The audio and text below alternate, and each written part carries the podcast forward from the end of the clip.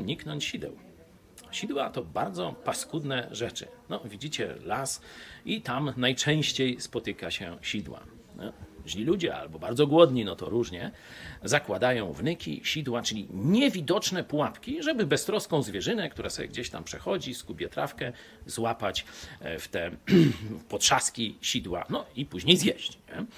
E, Albo przekazać na zbożny cel księdzu ryzykowi, ale to inny temat. I Biblia mówi, że są też pułapki na ludzi. Zobaczcie sobie Księga Przypowieści Salomona, 13 rozdział, werset e, 14.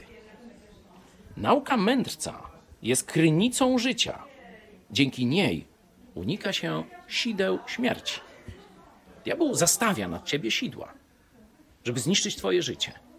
A dzięki mądrości Słowa Bożego możesz rozpoznać te pułapki i ich uniknąć. Twój wybór.